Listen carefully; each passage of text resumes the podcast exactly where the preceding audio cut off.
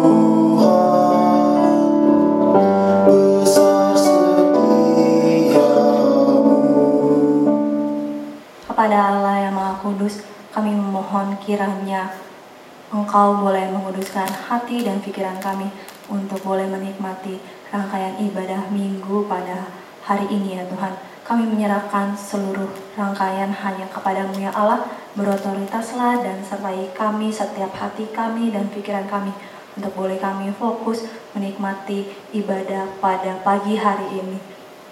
Kami menyerahkan doa dan ucapan syukur kami hanya ke dalam tangan pengasihanmu ya Allah. Bekerjalah ya Tuhan. Inilah doa kami di dalam Kristus Yesus. Amin. KPU siswa 2018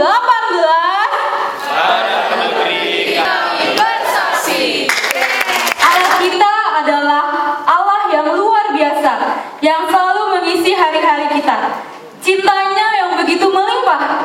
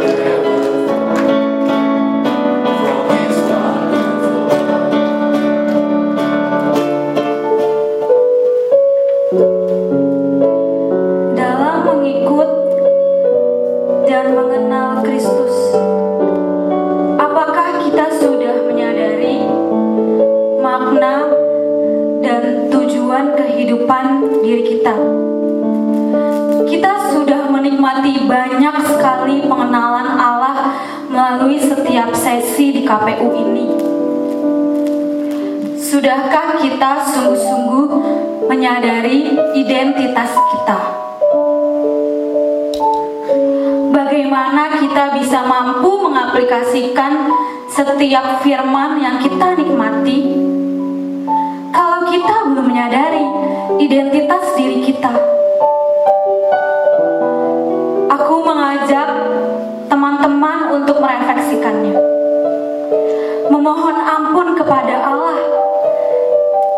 berdoa agar kita bisa menyadari sebenarnya apa identitas diri kita.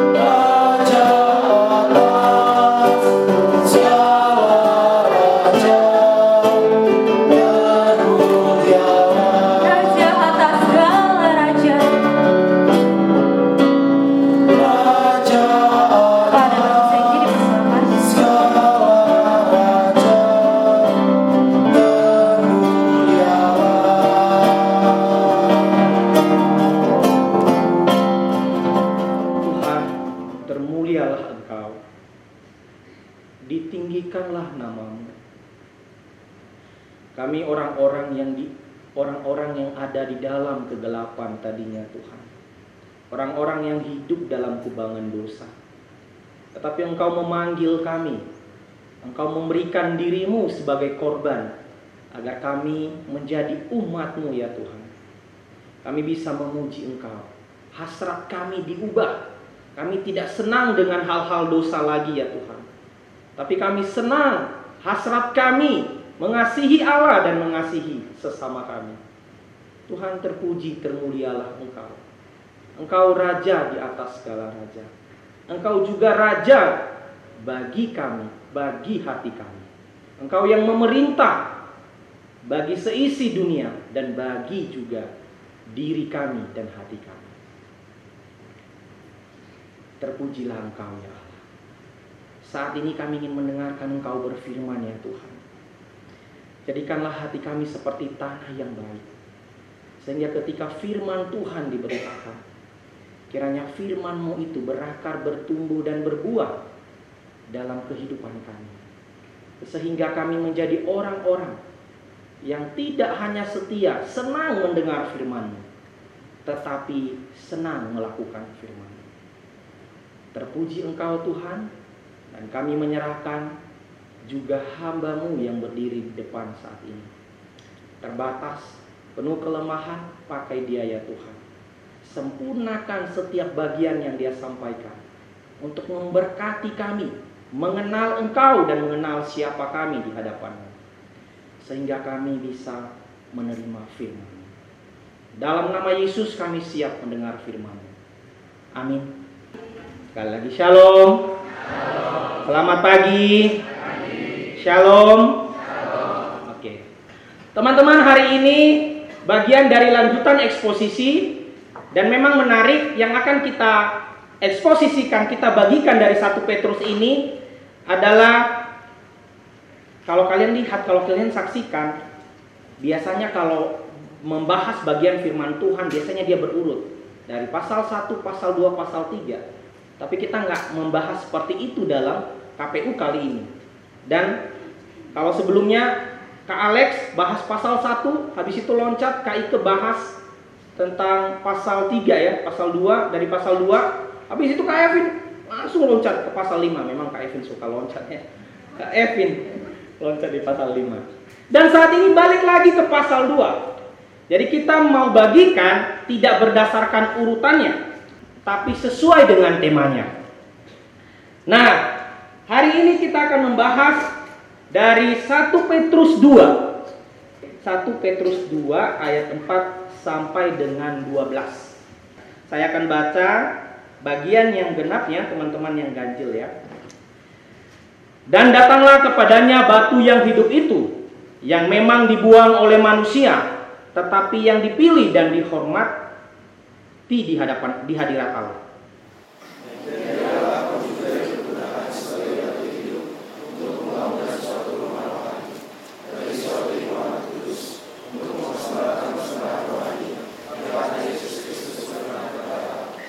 Sebab ada tertulis dalam kitab suci, sesungguhnya aku meletakkan di Sion sebuah batu yang terpilih, sebuah batu penjuru yang mahal, dan siapa yang percaya kepadanya tidak akan dipermalukan.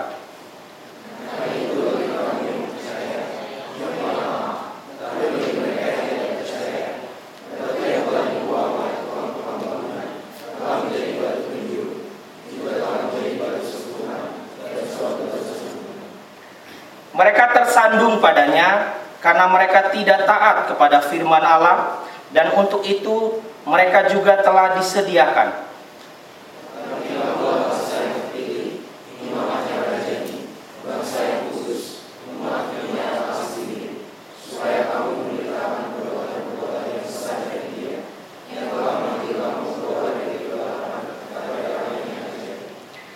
Kamu yang dahulu bukan umat Allah, tetapi yang sekarang telah menjadi umatnya, yang dahulu tidak dikasihani, tetapi yang sekarang telah beroleh belas, kasih, belas kasihan.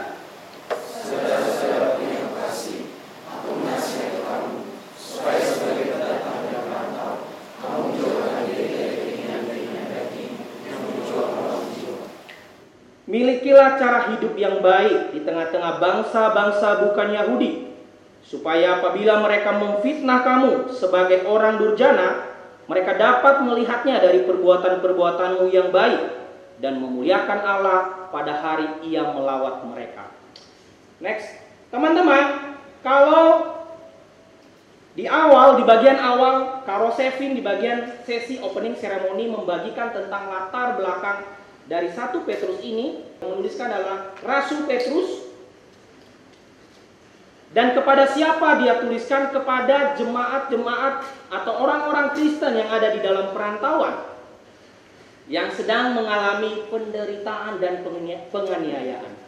Bahkan kalau kita ulang dan kita ingat, Kak Oce mengatakan bahwa bisa ancaman mereka adalah kematian. Mereka mengalami penderitaan dan penganiayaan karena apa? Karena iman mereka. Waktu mereka mengalami penderitaan, penganiayaan yang terus-menerus, bagaimana ya?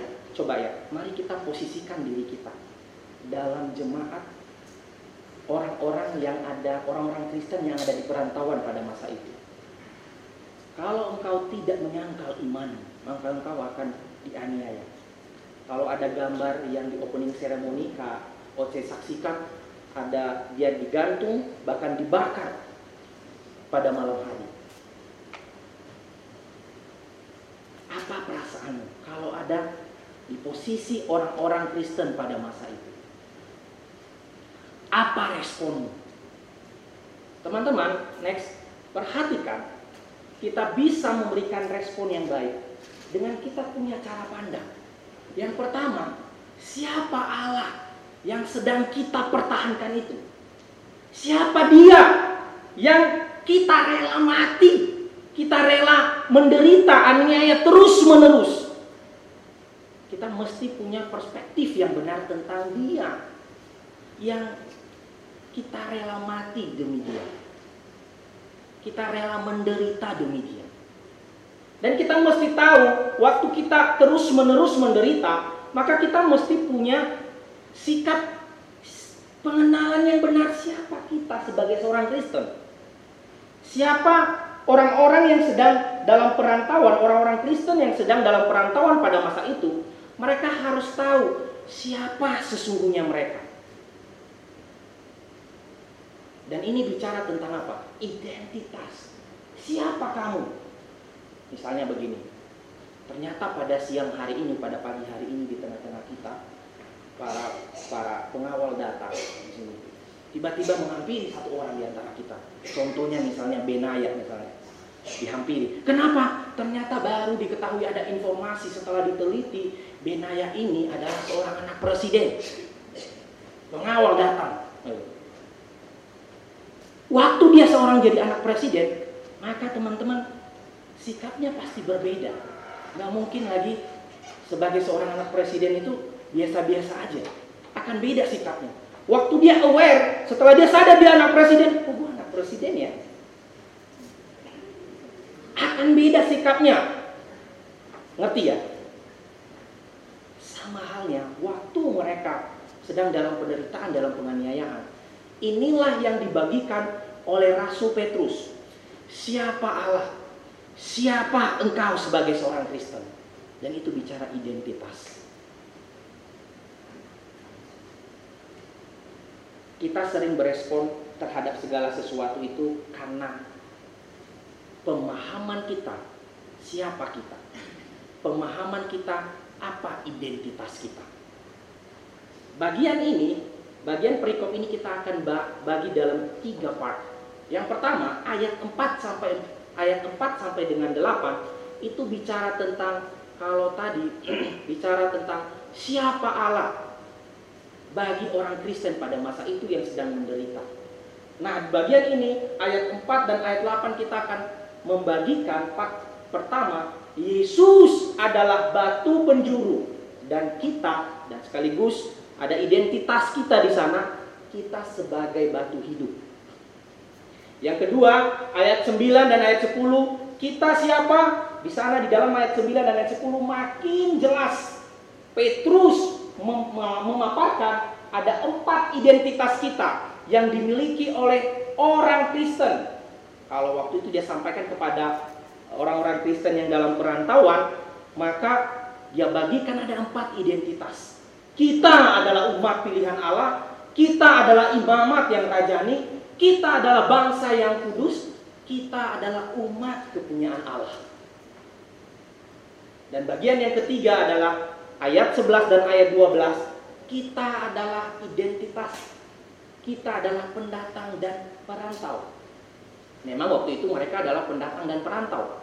Tapi apa maksudnya? Kita akan bahas bagian ini selanjutnya. Bagian yang pertama adalah Yesus batu penjuru dan kita sebagai batu hidup. Next.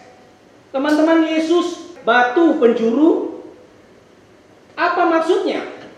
Kalau bahasa Inggrisnya apa? Cornerstone. Apa itu mas maksudnya batu penjuru? Waktu Yesus mengatakan Yesus adalah batu penjuru, apa maksudnya bagi orang Kristen pada masa itu? Teman-teman, artinya batu penjuru adalah pada masa itu, jadi itu istilah untuk salah satu bagian di bangunan pada masa itu. Pada masa itu bangunan-bangunan yang terbentuk ketika dibuat, maka waktu misalnya tiang-tiang penyangga ini direkatkan, maka dia tidak direkatkan dengan semen atau dengan lem tertentu. Tapi yang merekatkan dia adalah itu yang disebut dengan batu penjuru. Nah, kalau batu penjuru itu batu penjuru itu lepas, maka bangunan itu bisa langsung roboh. Bayangin aja misalnya gambar pada masa itu yang terkenal, misalnya pada yang yang pada masa lampau yang terkenal adalah piramid. Nah, piramid itu ada satu bagian jika diambil itu bisa bisa lancur hancur itu. Itu disebut batu penjuru.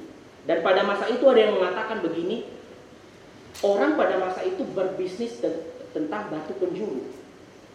Dan batu penjuru itu sangat mahal harganya. Jadi waktu dikatakan Yesus adalah batu penjuru, maka Yesus Kristus adalah pondasi iman kita, iman. Pondasi persekutuan orang-orang percaya pada masa itu. Yang merekatkan iman mereka satu sama lain. Yang mengokohkan iman mereka adalah Yesus adalah batu penjuru. Jadi Kristus waktu dikatakan Yesus adalah batu penjuru, berarti Yesus Kristus adalah fondasi iman kita, fondasi persekutuan kita. Dasar persekutuan anak-anak Tuhan yang menjadi yang menjadi pengikat mereka menjadi satu. Next. Nah, kita bisa lihat ya. Ya, ini bagiannya ayat 6. Sebab ada tertulis dalam kitab suci sesungguhnya aku meletakkan Sion, sebuah batu yang terpilih, sebuah batu penjuru yang mahal. Memang batu penjuru yang mahal. Itu mahal harganya. Dan siapa yang percaya kepadanya tidak akan dipermalukan. Dan bayangkan teman-teman, waktu itu mereka sedang dalam kondisi memang dipermalukan. Sedang dalam penganiayaan dan penderitaan. Tapi Paulus, Paulus Rasul Petrus mengatakan bahwa memang di KPU ini Petrus ini diganti-ganti ya. KOC sama Kak eh, Alex bilang Petrus ini Paulus, aku juga bilang Paulus. Kemarin siapa bilang Kak Evin Lukas, Lukas apa sih ini? Kenapa kita nggak seret dengan Petrus ya? Enggak ya, bercanda aja ya. Jadi batu penjuru itu adalah Yesus Kristus. Dan ini jadi penghiburan bagi mereka. Yesus yang menjadi pondasi iman mereka. Yesus jadi iman mereka tidak goyah karena ada batu penjuru yaitu Yesus. Karena Yesus adalah batu penjuru, maka dia bilang datanglah kepada batu yang hidup itu dan jadilah batu hidup itu. Jadi kita juga sebagai batu hidup itu. Kita baca uh, sorry ayat 5. Ayat 5 berkata ayat, ayat 5 begini bunyinya dan biarlah kamu juga dipergunakan sebagai batu hidup untuk pembangunan suatu rumah rohani bagi suatu imamat kudus untuk mempersembahkan persembahan rohani yang karena Yesus Kristus berkenan kepada Allah. Kalau Yesus adalah batu penjuru, maka kita jadinya adalah batu hidup. Buat apa maksudnya batu hidup? Next slide. Kita sebagai batu hidup inilah identitas kita yang pertama dari bagian ini adalah kita sebagai batu hidup. Next. Apa maksudnya batu hidup? Untuk pembangunan suatu rumah rohani bagi suatu imamat kudus. Teman-teman kata batu ini muncul dari siapa pertama? Memang nggak di perjanjian lama juga ada ya batu penjuru, tapi pernah juga kepada si penulis pernah ditujukan hal ini. Siapa yang mengatakannya? Yesus. Engkau adalah Petrus, Petros. Itu adalah batu. Batu dasar pembangunan umat Allah. Dan sekarang Petrus mengatakan hal itu, Yesus batu penjurunya, pondasi iman umat dan kamulah orang-orang Kristen yang sedang dalam penderitaan dan penganiayaan, kamu sekarang batu hidup itu. Batu hidup itu apa gunanya? Batu. Jadi ada dua dari dua frase dari satu frase ini ada dua ada satu kata ada kata batu gambaran, tapi ada juga kata hidup yang menggambarkan kayak uh, uh, fakta dalam kehidupan. Batu hidup. Apa maksudnya? Kita bagian dalam pembangunan atau rumah Allah kita hadir di dalam membangun rumah Allah. Karena Yesus sudah menjadi batu penjurunya. Waktu dikatakan engkau batu hidup, maka engkau adalah living stone. Berarti apa? Apa apa efeknya? Engkau adalah waktu hadir misalnya orang-orang Kristen yang sedang dalam penderitaan dan penganiayaan dikatakan engkau batu hidup. Maka mereka adalah rumah Allah yang tersusun mereka adalah batu-batu hidup rumah Allah sendiri dalam di tengah-tengah penderitaan dan kesulitan yang mereka alami dan Yesus adalah batu penjurunya kalau kita lihat nanti ke sini waktu engkau diutus lulus udah lulus masuk perguruan tinggi engkau teman-teman batu hidup di kampus di mana engkau diutus kalau masuk dalam dunia alumni engkau batu hidup rumah Allah untuk tempat pembangunan rumah Allah. Kalau kemarin sharing di dalam uh, sesinya Kak Evin tanya jawab itu seminar itu, maka sering sekali memang kita menghadapi kenyataan bahwa ada anak-anak siswa yang sudah dibina bukan batu hidup, malah jadi batu buangan, batu sandungan. Kenapa? Maksudnya Bang Zeki apa? malah udah nggak melayani lagi, nggak masuk dalam bagian pembangunan rumah Allah, malah makin menghilang, malah mencari identitas baru padahal dia punya identitas. Apa identitasnya? Memang begitu ya, anak siswa begitu ya, masa-masa mencari identitas. Inilah identitasmu. Kenapa? Biasanya ikut sana, ikut sini. Waktu lulus, wah militan sekali. Tapi ketika ditawarin sana sini organisasi A, B, C, D, E, menggiurkan juga. Ikut sana, ikut sini. Tapi waktu di, di, diajak pelayanan PSKJ, gak mau. Tapi katanya sibuk kah? Sibuknya apa? Organisasi. Mungkin sekarang belum karena belum real kali ya. Tapi Bang Zeki sama kakak-kakak staff sama kakak TPS hadapin seperti itu. Jadi waktu di sini seperti ini semangat KPU-nya gitu. Kayak udah kalau, kalau kalian pulang dari sini udah ada lingkaran malaikatnya itu loh.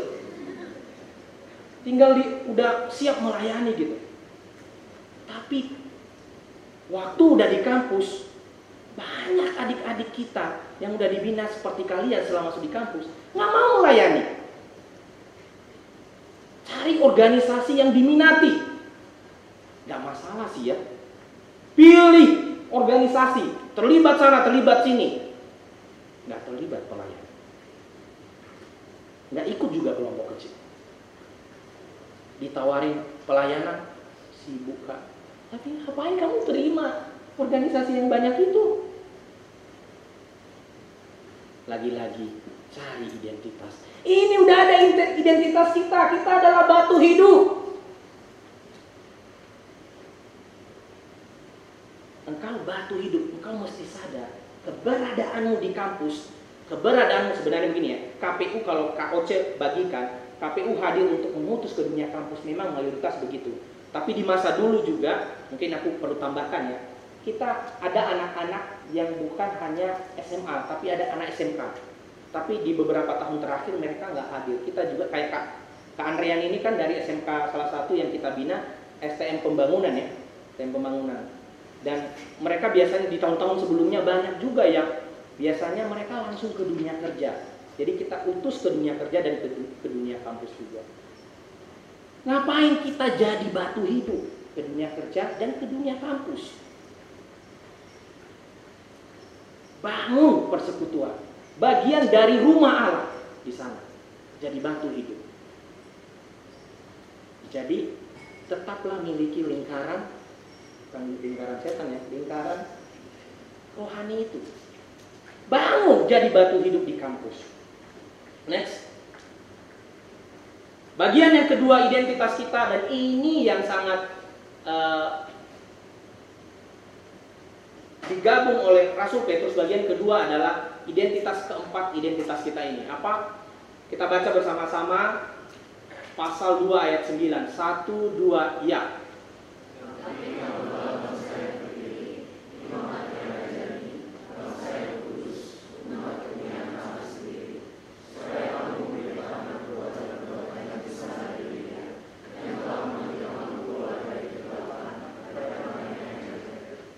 Ya, next. Siapa kita sebelum di dalam Kristus? Siapa kita sebelum di dalam Kristus? Kita mesti aware dulu. Sebelum kita mengetahui identitas kita yang bagian kedua ini. Kita mesti tahu siapa kita di dalam sebelum di dalam Kristus. Next. Kita dikatakan di sini lihat bagian yang biru ini. Kamu yang dahulu bukan umat Allah. Kamu yang dahulu tidak dikasihani. Kita itu adalah orang-orang yang mencintai. Kalau di bagian nanti ayat selanjutnya, cinta kepada kegelapan. Tetapi itu itu dulu status kita, orang-orang yang bukan umat Allah, sama dengan bangsa-bangsa lain. Kita adalah orang-orang yang tidak dikasihani. Next. Tapi dikatakan punya identitas, status kita atau identitas kita. Kita adalah umat pilihan Allah. Kita imamat yang rajani, bangsa yang kudus, umat kepunyaan Allah. Itu rangka keempat identitasnya. Nanti kalau kita bahas, aku pikir ini jadi penghiburan dan penguatan bagi orang-orang Kristen yang ada dalam perantauan pada masa itu. Yang pertama, apa maksudnya? Kita adalah umat pilihan Allah atau bangsa yang terpilih. Teman-teman, dalam sejarah dunia, khususnya dalam perjanjian lama, dunia mencatat dalam sejarah ada lima bangsa besar yang pernah ada di dunia. Lima bangsa ini terkenal dengan kekuatannya, kekuasaannya yang tidak ada bandingnya sampai saat ini. Sampai lima bangsa ini tuh punya daerah kekuasaan di masanya punya daerah kekuasaan yang sangat luas. Apa aja bangsa itu? Bangsa yang pertama adalah bangsa Asyur. Itu bangsa besar. Yang kedua adalah bangsa Babel. Yang ketiga adalah bangsa Media Persia. Yang keempat adalah bangsa Yunani. Yang kelima adalah bangsa Romawi. Yunani Romawi itu di menjelang waktu Yesus ada dan bangsa Romawi lah yang menyiksa Yesus pada masa itu. Lima lima kerajaan atau lima bangsa besar ini dengan kekuatannya, dengan dengan kekuasaannya di dunia tetap berakhir. Dan ingat, waktu itu orang Kristen sedang mengalami penderitaan dan penganiayaan oleh salah satu bangsa ini.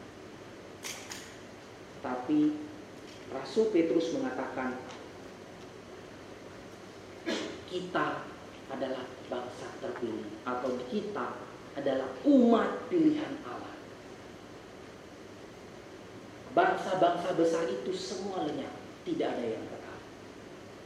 Tetapi kita bangsa pilihan Allah bukan karena kita keturunan Israel. Kita yang adalah bangsa pilihan Allah karena batu penjuru yaitu Yesus Kristus tidak akan lenyap sampai kekekalan. Kita bangsa pilihan Allah sampai kekekalan. Waktu merenung-renung teman-teman, harusnya identitas ini menjadi penghiburan bagi umat atau orang Kristen dalam penderitaan saat itu. Bahwa bangsa yang sedang membuat mereka menderita adalah bangsa yang bisa hangus dan ada masanya pasti akan berakhir. Tetapi keumatan, keumatan kayak bahasa orang lain, tetapi kebangsaan mereka sebagai umat pilihan Allah adalah mereka sandang, mereka sandang dan itu bangsa yang kekal. Dan sekalipun mereka menderita dan mengalami penganiayaan, maka mereka punya status bangsa pilihan Allah. Tidak akan hilang. Harusnya identitas ini membuat mereka bangga menjadi orang Kristen, sekalipun menderita. Tidak malu menjadi orang Kristen, meski menderita, meski ditolak, meski diasingkan.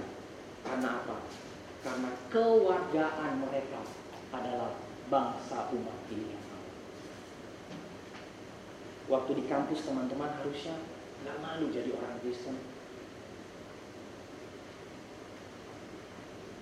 Sekalipun dibilang sok suci, nggak malu berani. Kemarin saya waktu seminar seminar yang Mas Oka kemarin berbicaranya saya melihat bahwa kok nggak banyak yang saya nggak ngejas ya. Kenapa nggak banyak yang bertanya ya tentang kondisi bangsa. Memang di akhir-akhir ada banyak siswa-siswa yang bertanya. Apa masalahnya ya dan dari pemaparan Mas Oka saya menyimpulkan beberapa hal. Diskusi dengan Kak Oce di tempat makan sama kami. Kalau diulang-ulang Indonesia tidak hanya butuh orang-orang pintar. Indonesia penuh banyak dengan orang-orang pintar. Tapi apa kalimat selanjutnya? Diulang-ulang bahwa Indonesia butuh orang-orang yang takut akan Tuhan. Tetapi aku bilang setelah menganalisa menganalisa dari pemaparannya Mas Oka? Indonesia nggak hanya butuh orang-orang yang pintar-pintar terlalu banyak orang pintar. Indonesia tidak hanya butuh orang-orang yang takut akan Tuhan tapi dia tidak hanya cukup takut akan Tuhan teman-teman. Tapi anak-anak Tuhan anak-anak muda. Dan kadang-kadang saya evaluasi diri juga yang berani menyuarakan kebenaran seperti Joshua dan satu lagi siapa Niko kalau takut akan Tuhan tapi diam sama aja. Waktu di kampus ada ketidakbenaran kamu diam. Sama aja. Mungkin juga harusnya sepaket sih ya. Ketika kita takut akan Tuhan harusnya kita nggak diam terhadap ketidakbenaran. Dan itu yang dilakukan oleh Joshua. Mereka melakukan apa yang bisa dilakukan. Kalau dari pemaparan Mas Oka, dia sempat bilang banyak orang yang diam di tengah bangsa ini, silent majority.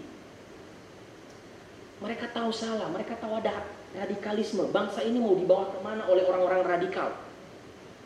Tapi mereka ngapain? Diam, gak berbuat apa-apa. Dan ketika diam, ada satu bagian firman Tuhan di dalam Yehezkiel satu, saya lupa bagian ayatnya. Tapi saya masih ingat itu.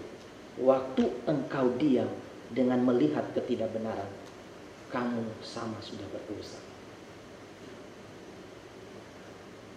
Teman-teman itu dulu yang menginspirasi saya. Saya dulu tinggal di asrama waktu mahasiswa, karena kami beasiswa. Dan mungkin beberapa teman-teman juga udah tahu cerita ini. Dan ketika di asrama itu kan kalau tiap mahasiswa kan liburnya panjang kan teman-teman libur semester kan ya. Berapa bulan kalau di kampus adik-adik TPS ada yang satu bulan, ada yang tiga bulan kami tiga bulan kan itu. Itulah lama ngapain kita udah sempat lupa apa yang pernah kita pelajari. Dan biasanya kan kami yang ada di asrama memang asramanya nggak begitu ketat, dibebasin bisa ke rumah keluarga dan segala macam. Yang punya keluarga kan anak-anak daerah, yang punya keluarga di Jakarta mereka akan pasti pasti ke rumah keluarga. Nah waktu itu saya nggak pergi ke, ke rumah keluarga, saya stay di asrama. Kenapa yang terjadi di asrama? Dan biasanya kalau lagi masa-masa libur semester yang panjang itu, apa aktivitas anak-anak? Karena ada asrama cowok, asrama cewek, nah, anak-anak cowok. Kami kan punya TV bareng-bareng di ruang tamu ya. Apa yang mereka lakukan biasanya? Mereka nonton bareng, pengen nonton bareng. Nonton bareng nggak masalah sih ya. Tapi yang anehnya mereka mau nonton apa? Mereka mau nonton bukan drakor ya. Mereka mau nonton apa? Mereka mau nonton pornografi, film-film porno. Dan saya gelisah waktu itu, saya sudah jadi pengurus persekutuan mahasiswa. Gimana nih kehadiran saya di sini? Oke, yang pertama waktunya cepat banget ya 30 menit ya. Jadi tinggal 30 menit lagi teman. Saya gelisah teman-teman keberadaan saya sebagai oh, saya pengurus di sini yang menggembalakan mahasiswa-mahasiswa Kristen. Oke lah, aku ambil, mungkin aku diam aja. Mereka nonton bareng di situ, terus paling aku keluar nggak mengganggu kan suaranya mengganggu kan ya, gitu. Dan akhirnya saya ambil keputusan yang kedua, kayaknya nggak bisa diam deh. Dan apa yang mereka ketika mereka mau nonton bareng, mereka mau apa CD roomnya ada CD room mereka nyalain masukkan CD-nya saya gelisah dan saya langsung bergerak teman-teman. Dan itu mungkin saya dihajar kali ya yang bilang sok suci ya. Dan sekali pukul aja udah tumbang kali ya. Bukan petinju kan ya. Kalau berantem ya sama mereka aku bilang ke mereka kalau kalian aku nggak setuju kalian nonton di sini aku tahan waktu mereka masukkan CD room terserah kalian mau nonton apa tapi saya tidak setuju kalian nonton di sini, maksudnya di tempat di ruang di ruang terbuka ini. Kenapa? Karena orang terpancing untuk semua jatuh ke dalam dosa kan. Yang nggak kepikir untuk nonton porno, dia dengar suaranya, dia lirik-lirik, jadinya stay di situ nonton. Oh kadang-kadang juga heran sih dari keberanian dari mana itu. Kalau kadang-kadang di asrama.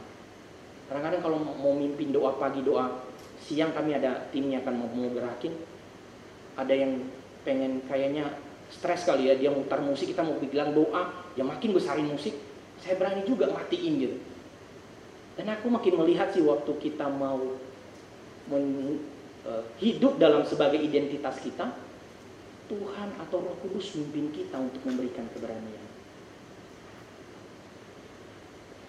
teman-teman kita adalah umat kita adalah bangsa terpilih next kita adalah imamat yang rajani. Cepat aja ya. Kata ada kata imam.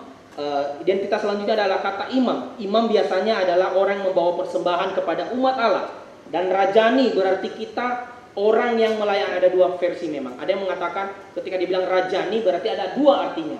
Artinya apalah kita adalah uh, raja yang Tuhan tempatkan untuk uh, karena orang percaya adalah anak-anak raja. Atau yang kedua adalah kita adalah Rajani berarti orang yang melayani raja di atas segala raja. Dan saya setuju bagian yang kedua, ketika dikatakan kita adalah imamat yang rajani, berarti kita adalah yang melayani Allah di atas segala raja.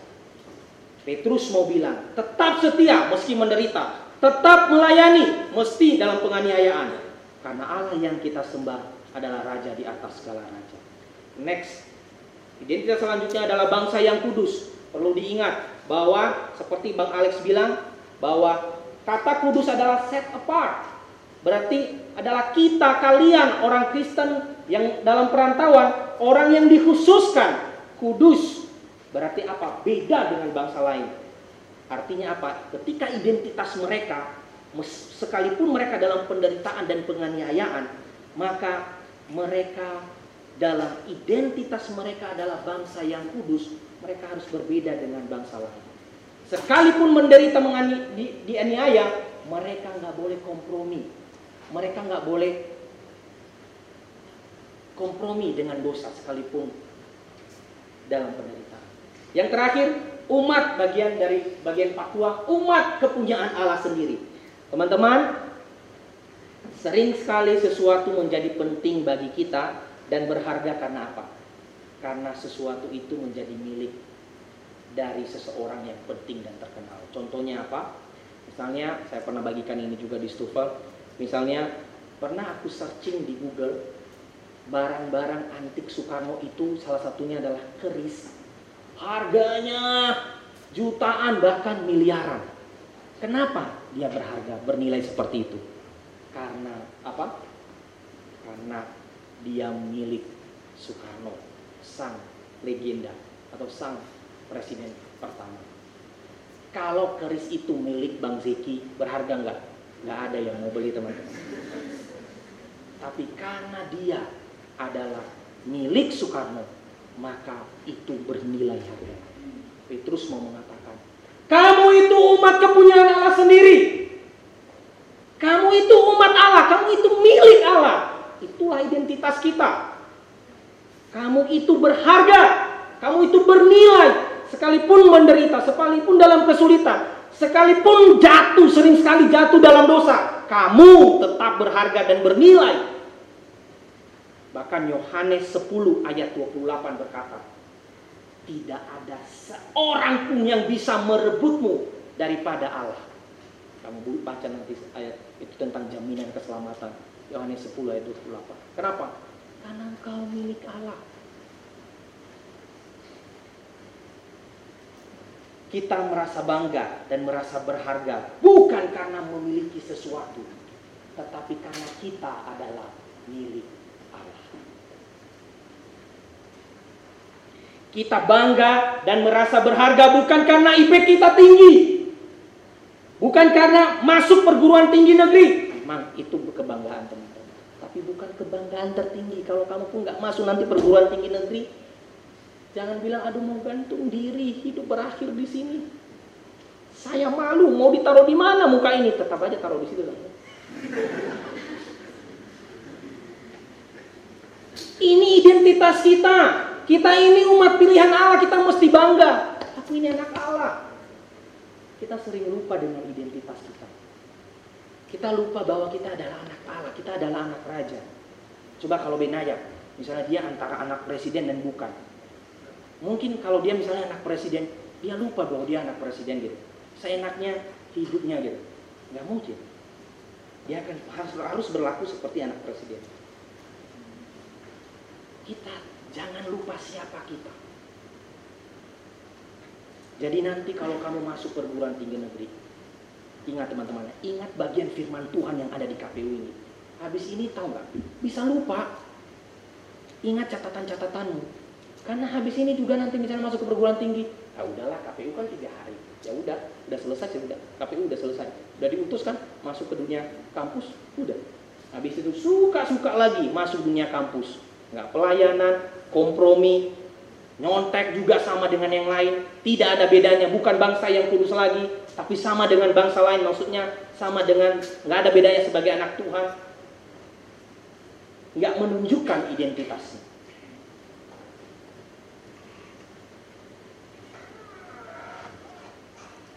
Kita adalah umat kepunyaan Allah. Kamu itu dikasihi teman-teman. Next, perhatikan. Tadi aku bilang, yang dahulu bukan umat Allah. Kenapa kita menerima keempat identitas itu? Kita bangsa terpilih, umat pilihan Allah. Yang kedua apa tadi? Bagian yang apa seterusnya? Imamat yang rajani. Seterusnya apa?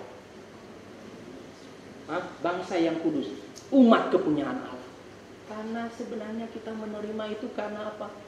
Karena Tuhan Tuhan mengasihani kita. Bukan karena kuat dan hebat kita. Karena yang sekarang telah menjadi umatnya karena yang sekarang telah beroleh belas kasihan. Jadi kita menerima identitas itu karena belas kasihan Tuhan. Karena anugerah Tuhan. Kita baca bersama-sama. Satu, dua. Ya.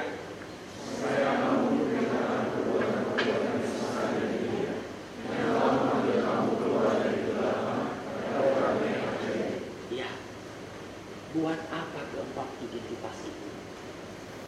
Oke, saya diselamatkan. Saya memiliki identitas sebagai keempat tadi.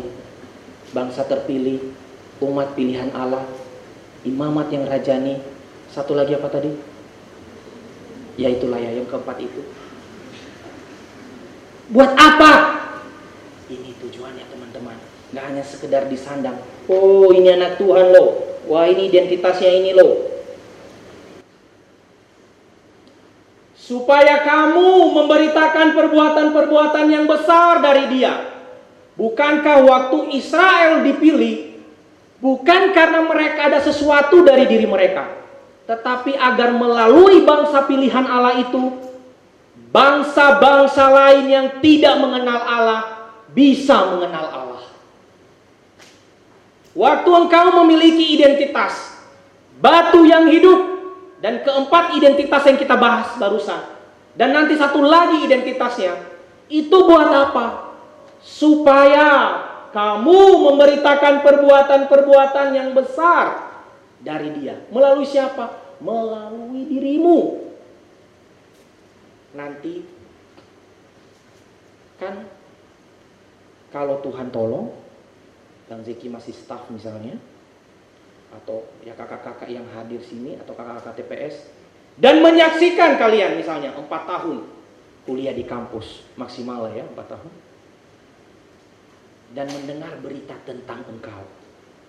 Aduh, kalau kami mendengar berita tentang engkau nanti, iya si si Stephen itu menghilang.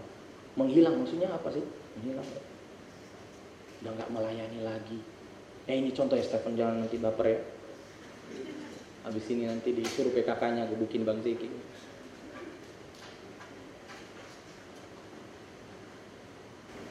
Kita dengar nanti ada dari antara kalian udah nggak KTB lagi. Tadi saya ingat-ingat loh teman-teman. Waktu saya KPU jadi staf pengarah KPU pertama kali, tahu nggak pesertanya siapa?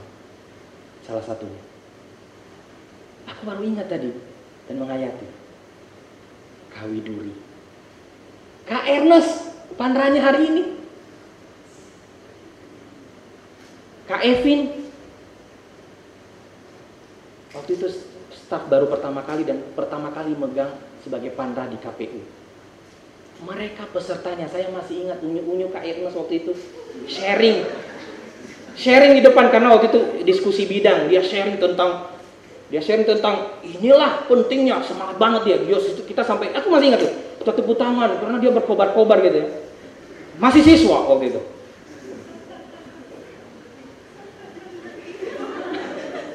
Eh saya nggak mempermalukan Ernest, memang benar waktu itu begitu. Dan saat ini apa? Panggilan Allah dinamis buat dia. Dia waktu itu bahas tentang IT, bagaimana bidang IT mereka bahas. Ini yang diperlukan di bidang IT. Jadi hasil diskusi dia yang presentasi lah di bidang dia. Sekarang jadi hamba Tuhan.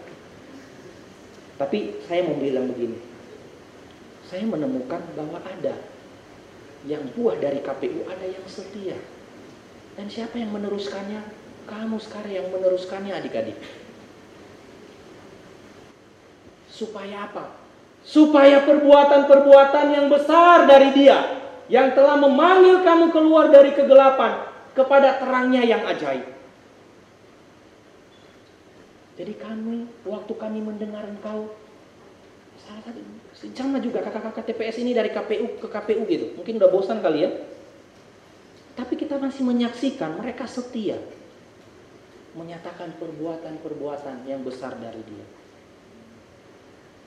Ada ada up and down-nya. Ada kejatuhan-kejatuhan, ada. Tapi kita nggak bahas kemarin tentang komunitas ya. Makanya kita nggak boleh lepas dari komunitas. Kamu keluar dari sini, masuk kampus cari. Cari KTP, cari kelompok kecil. Aku mau kelompok kecil. Aku pengen punya PKK, aku pengen punya komunitas. Gak bisa kita bertahan memang di dunia ini teman-teman. Kalau kita tidak bergantung kepada batu penjuru yang membentuk komunitas itu. Itu yang nguatin kita. Sehebat-hebat apa pun kamu pasti akan jatuh. Orang yang sudah dalam komunitas aja masih jatuh apalagi yang belum. Nggak asal kita memiliki identitas yang dibagikan di ayat 9 tadi. Bagian yang terakhir dan yang ketiga adalah ayat ini. Next. Saudara-saudaraku yang kekasih, aku menasehati kamu supaya sebagai pendatang dan perantau kamu menjauhkan dari diri diri dari keinginan-keinginan daging yang berjuang melawan jiwa. Kita adalah pendatang dan perantau. Memang benar waktu itu orang Kristen di Asia Kecil dan sekitarnya perantau dan pendatang enggak? Iya benar. Mereka disebut di situ mereka perantau dan pendatang. Tapi apa maksudnya Petrus dalam bagian ini? Kenapa dia bilang lagi kita adalah sebagai pendatang? Maksudnya apa? Beberapa memang hampir sama aslinya pendatang bisa diganti dengan kata orang asing, pendatang juga bisa dikata dengan perantau, tapi intinya kita adalah pendatang dan perantau. Apa yang membuat Rasul Petrus menekankan identitas ini? Teman-teman, ini menceritakan bagi kita apa? Waktu kita, waktu Petrus mengatakan kepada orang Kristen, kita adalah perantau dan pendatang. Maka ketika mereka sedang dalam penderitaan dan penganiayaan, maka Petrus mau mengingatkan bahwa penderitaan dan penganiayaan yang mereka alami hanya sifatnya sementara. Karena kamu hanya di dunia ini adalah orang asing dan perantau. Jadi kita hanya di dunia ini sifatnya sementara, hanya menumpang, hanya tamu. Teman-teman, saya sangat menghayati hal ini. Kenapa? Saya sekarang tinggal di salah satu rumah setelah menikah tinggal di rumah di kebun jeruk eh, di, di rumah di kebun jeruk perumahan kebun jeruk baru. Dan rumahnya gede dibanding rumah saya sebelumnya atau kontrakan sekretariat sebelumnya gitu. Bisa menikmati kenyamanan tapi saya hanya perantau dan pendatang di situ teman-teman. Bukan rumah saya waktu saya menghayati itu selalu menghayati iya ya kehadiran di dunia ini sebagai hanya saya nggak tinggal stay tetap di dunia ini. Ini bukan dunia saya ini bukan tempat saya. Hanya pendatang dan perantau. Waktu saya di rumah itu saya bilang iya ya ini bisa dibilang ini milik saya tapi juga bukan milik saya. Saya harus karena saya hanya sementara di rumah ini maka saya menjaga kepercayaan pemilik rumah saya menjaga rumah ini agar tidak terjadi apa-apa. Saya membersihkan rumah ini. Tapi di sisi lain, saya nggak boleh merusak rumah ini. Hanya dipercayakan sementara. Ngerti ya maksudnya? Kita juga begitu teman-teman. Kita ini hanya sementara di dunia ini. Kalau ada penderitaan-penderitaan kekecil, kita hanya pendatang dan perantau. Ini waktu saya renung-renungkan, ini pasti sangat menguatkan umat Allah pada masa itu. Iya ya, sekalipun bertubi-tubi mereka ngadap, ngadapin penderitaan dan penganiayaan. Mereka beriman ini kita kita kita nggak nggak selamanya kok di sini kita. Makna apa makna bagi kita sebagai pendatang dan perantau? Maka teman-teman kita bisa simpulkan kalau kita sebagai pendatang dan perantau, maka penderitaan dan penganiayaan yang kita alami sifatnya sementara atau orang Kristen alami pada masa itu adalah sifatnya sementara. Tidak sel, tidak selamanya mereka alami.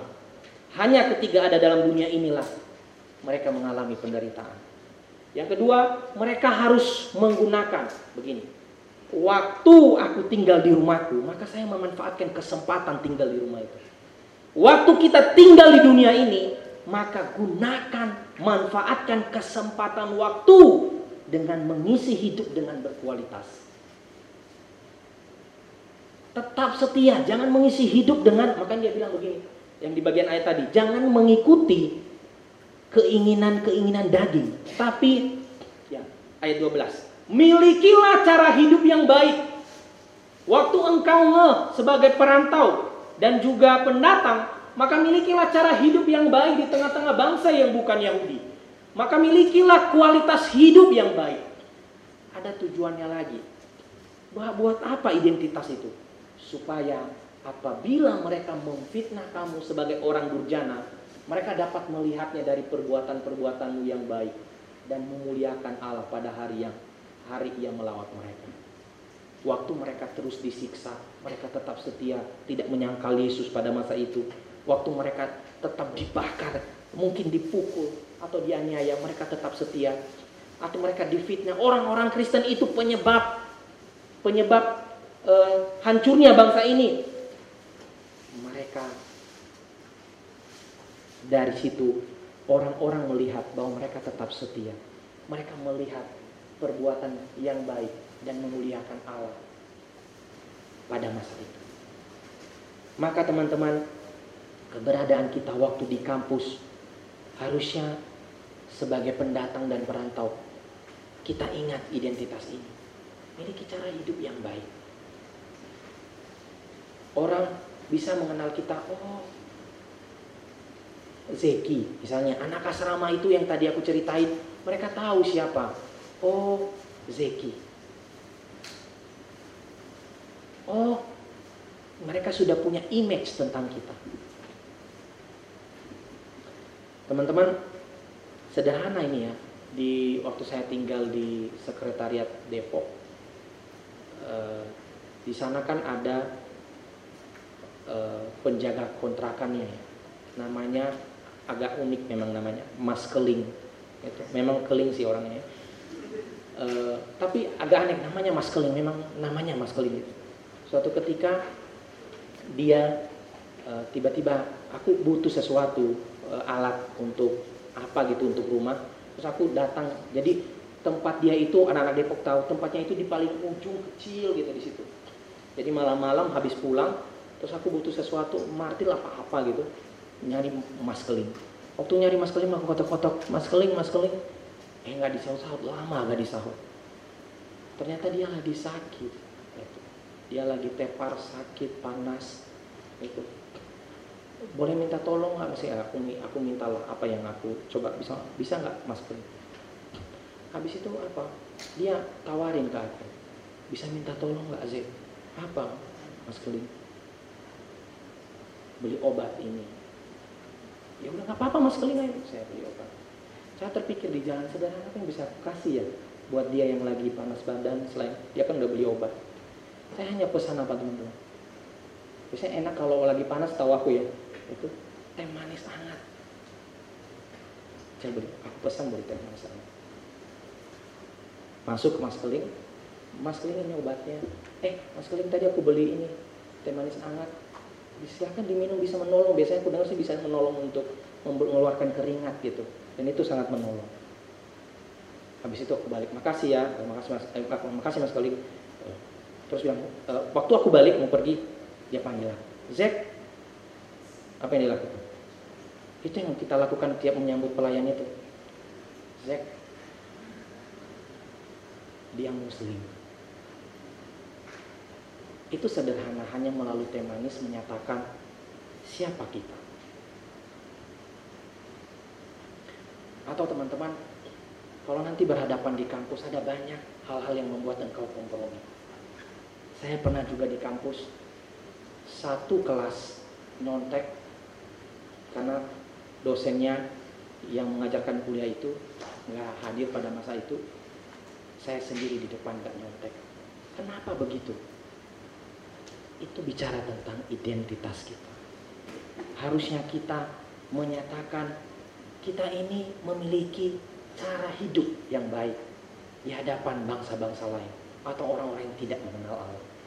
Sehingga mereka mengenal melalui hidup kita, melalui yang kita katakan, mereka mengenal siapa Allah melalui hidup kita. Maka kalau kita simpulkan teman-teman, hari ini bahas apa? Yesus adalah batu penjuru.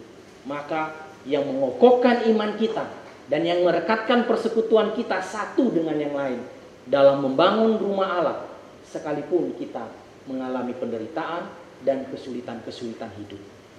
Yang kedua, kita kesimpulan yang kedua next, kita memiliki identitas. Apa identitas kita? Yang pertama adalah batu hidup, umat pilihan Allah, imamat yang rajani, bangsa yang kudus, umat kepunyaan Allah, satu lagi apa? Kita adalah pendatang dan perantau. Siapa gambar ini? Mahatma Gandhi. Dia pernah bilang begini. Saya suka dengan Yesusmu, tetapi saya tidak suka dengan orang Kristen. Kenapa? Hidup orang Kristen tidak sesuai dengan ajaran Yesus yang baik itu, yang terkenal itu. Yesus mengajarkan kasihilah musuhmu. Yesus mengajarkan kasihilah sesamamu. Yesus mengajarkan kamu adalah garam, kamu adalah terang. Mahatma Gandhi wow dengan Yesus, dengan pengajaran dan hidup Yesus yang dia dengar dan dia baca. Tapi dia bilang ketika melihat orang Kristen, saya sangat suka dengan Yesusmu, tetapi saya tidak suka dengan orang Kristen. Kenapa orang Kristen tidak menunjukkan hidupnya seperti Yesus? Orang Kristen tidak menunjukkan hidupnya seperti pengajaran Yesus. Siapa engkau teman-teman? Ken pengutusan siswa 2018 mengutus engkau. Dan jangan sampai orang-orang waktu melihat engkau di kampus puluhan tahun nanti kita akan ketemu dan dia mengatakan keluar dari mulut mereka seperti apa yang dikatakan oleh Mahatma Gandhi ini. Saya tidak saya suka dengan Yesus pengajaran Yesus, tapi saya tidak suka dengan kamu hidup kita tidak menunjukkan identitas kita. Sehingga muncullah quotes Muhammad Gandhi. Padahal dalam cerita besar Allah seperti yang dibagikan Karo Sevin, next. Kita ada dalam mana? Kita ada dalam mission. Kita sedang punya misi dalam dunia ini. Kalau kata pendeta Beni Solihin dia bilang, kita adalah potongan puzzle dalam kita adalah potongan puzzle dalam susunan gambar besar itu. Ketika potongan puzzle hilang, maka tidak ada potongan satu potongan puzzle itu dan itu potongan puzzle kita. Tidak ada potongan puzzle lain yang bisa menggantikan. Kita punya misi khusus dari Yesus untuk diri kita. Dan dia memberikan identitas itu buat kita. Kiranya firman Tuhan ini mengutus kita bahwa kita masuk ke dunia kampus, masuk ke dunia setelah siswa, kita memegang identitas kita. Kita nggak boleh menyangkal iman kita. Tuhan memberkati. Ya Tuhan, kami bersyukur untuk panggilan Kami orang-orang yang menikmati tadinya kegelapan tapi dipanggil kepada terang yang ajaib. Kami bersyukur Tuhan, Engkau memanggil kami sebagai anak-anakmu. Dan kami mesti aware, sadar, siapa kami di dunia ini. Engkau menyatakan melalui firman bahwa kami adalah punya identitas di hadapan Allah. Tidak sembarang hidup. Orang mesti melihat hidup kami. Melalui hidup kami, melalui pemberitaan kami, orang mengenal Yesus adalah Tuhan dan Juru Selamat. Mereka mengenal siapa Allah yang kami sembah. Israel pernah gagal di masanya. Dan engkau memanggil kami Israel yang baru. Orang-orang yang percaya kepadamu. Untuk diutus oleh Tuhan. Agar orang-orang yang belum mengenal engkau. Boleh mengenal engkau. Terima kasih Tuhan untuk firman Tuhan hari ini. Kuatkan kami. Dalam nama Yesus kami berdoa dan bersyukur. Amin. Hanya ini Tuhan, persembahanku. Terimalah Tuhan, persembahanku. Dan pakailah hidupku sebagai alatmu sembah.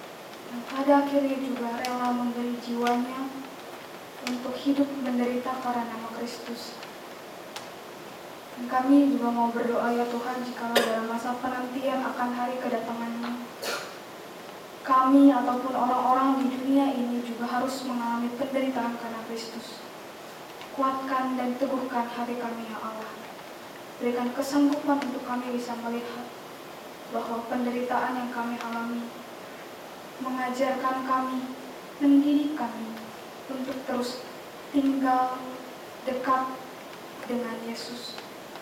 Teladan kami dalam menderita. Ya Allah kami, penderitaanmu juga menyanggupkan kami pada hari ini untuk bisa beribadah tanpa rasa takut. Kemarin beribadah tanpa rasa takut. Studi dengan bergantung kepada Allah. Dan banyak lagi ya Tuhan di dalam kehidupan kami yang kami alami dan semuanya mengajarkan kami untuk hidup bersama-sama dengan Allah. Untuk mencari Allah terlebih dahulu di atas segalanya. Bila saat ini juga ya Tuhan di dalam ibadah ini kami dapat mempersembahkan persembahan ini, itu pun tidak lepas dari apa yang Tuhan Yesus telah kerjakan 2000 tahun yang lalu. Ya Tuhan, kami memohon berkat Tuhan melalui persembahan ini. Kami memohon hikmat Tuhan juga bagi setiap panitia yang akan mengelolanya.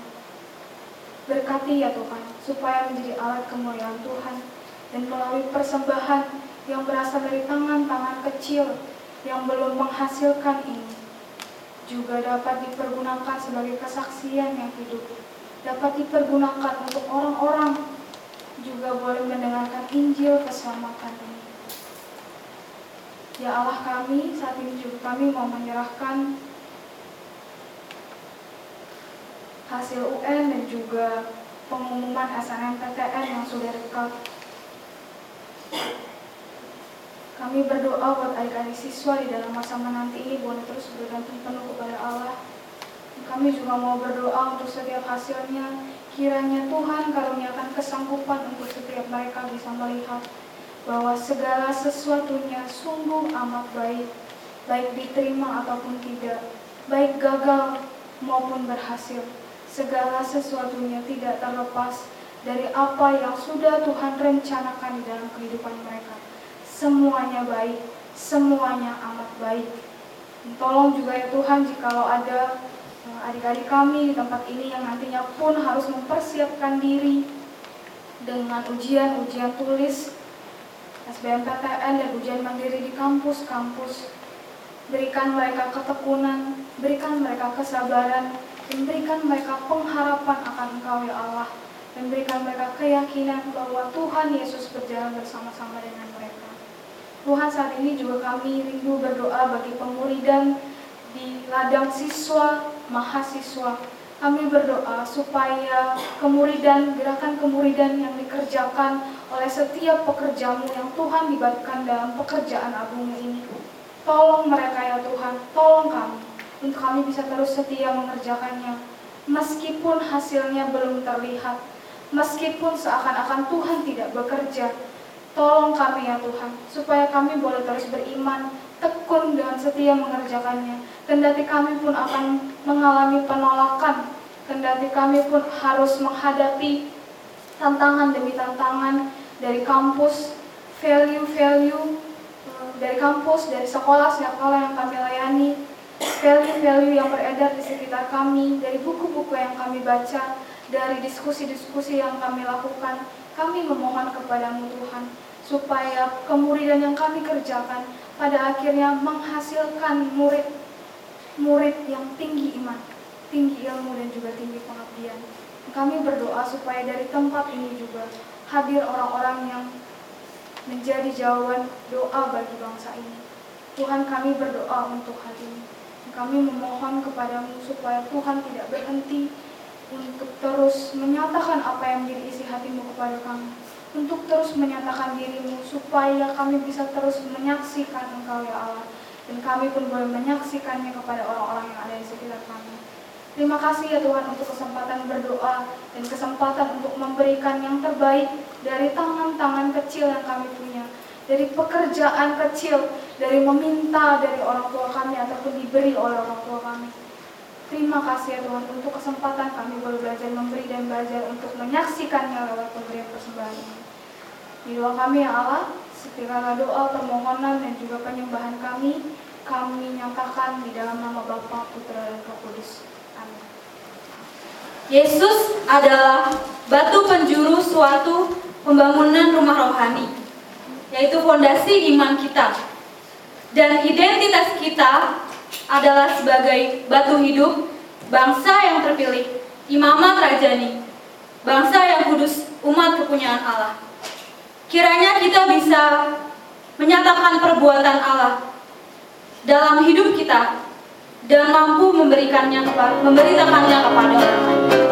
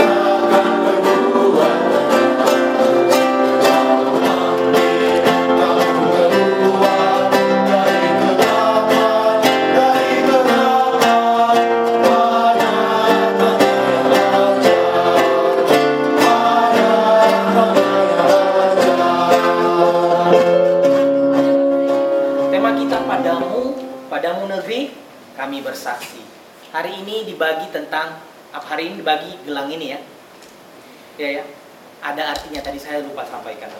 Ada hubungannya dengan apa firman Tuhan tadi. Coba hitung berapa tali itu. Kira-kira apa hubungannya dengan tadi? Ada berapa tadi identitas kita? Tanah. Jadi kita, kenapa kamu selalu pakai ini nanti di kampus? Ingat, kamu itu batu hidup. Kamu itu bangsa pilihan Allah. Kamu itu imamat yang rajani. Kamu itu umat kepunyaan Allah. Kamu itu perantau dan pendatang. Dengan penjelasan-penjelasan tadi, maka engkau waktu berada di kampus di mana pun, kamu nggak kompromi, kamu memiliki cara hidup yang benar, seperti yang Tuhan harapkan. Padamu negeri kami bersaksi. Ingat gelang ini, maka kamu bersaksi dengan identitasmu. Amin. Mari kita berdoa.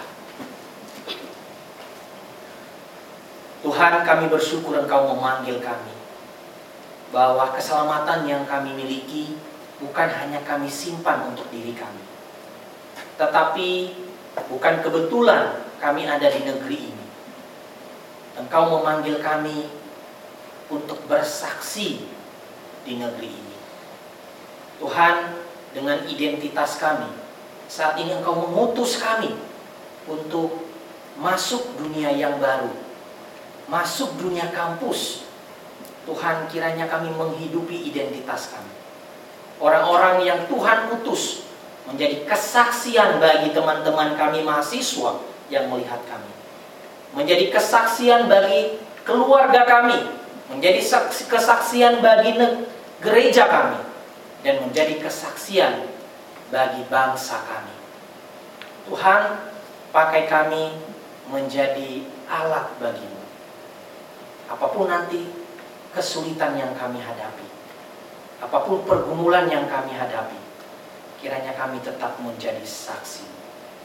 Terima kasih Tuhan untuk firman-Mu, kiranya Engkau Allah yang memakai kami, mengutus kami masuk dunia kampus, dan berani bersaksi menjadi anak-anak Tuhan, anak-anak Kristen yang berani bersaksi, tidak diam, melihat ketidakbenaran. Terima kasih ya Tuhan, kiranya melalui firman Tuhan hari ini, makin menegaskan siapa kami. Dan kami, dan makin menegaskan siapa juga Allah yang kami sembah. Terpuji Engkau Allah, di dalam nama Yesus kami bersyukur dan berdoa untuk sesi ini. Amin. Sebelumnya kita mau ucapkan terima kasih juga untuk Bang Zeki atas pelayanannya pada hari ini. Seperti biasa, bersihkan jempol ya. Arahan ke Bang Zeki. Sama-sama kita bilang bareng-bareng ya. Sama-sama kita bilang bareng-bareng. Terima kasih. Terima kasih banyak Bang Zeki untuk pelayanannya.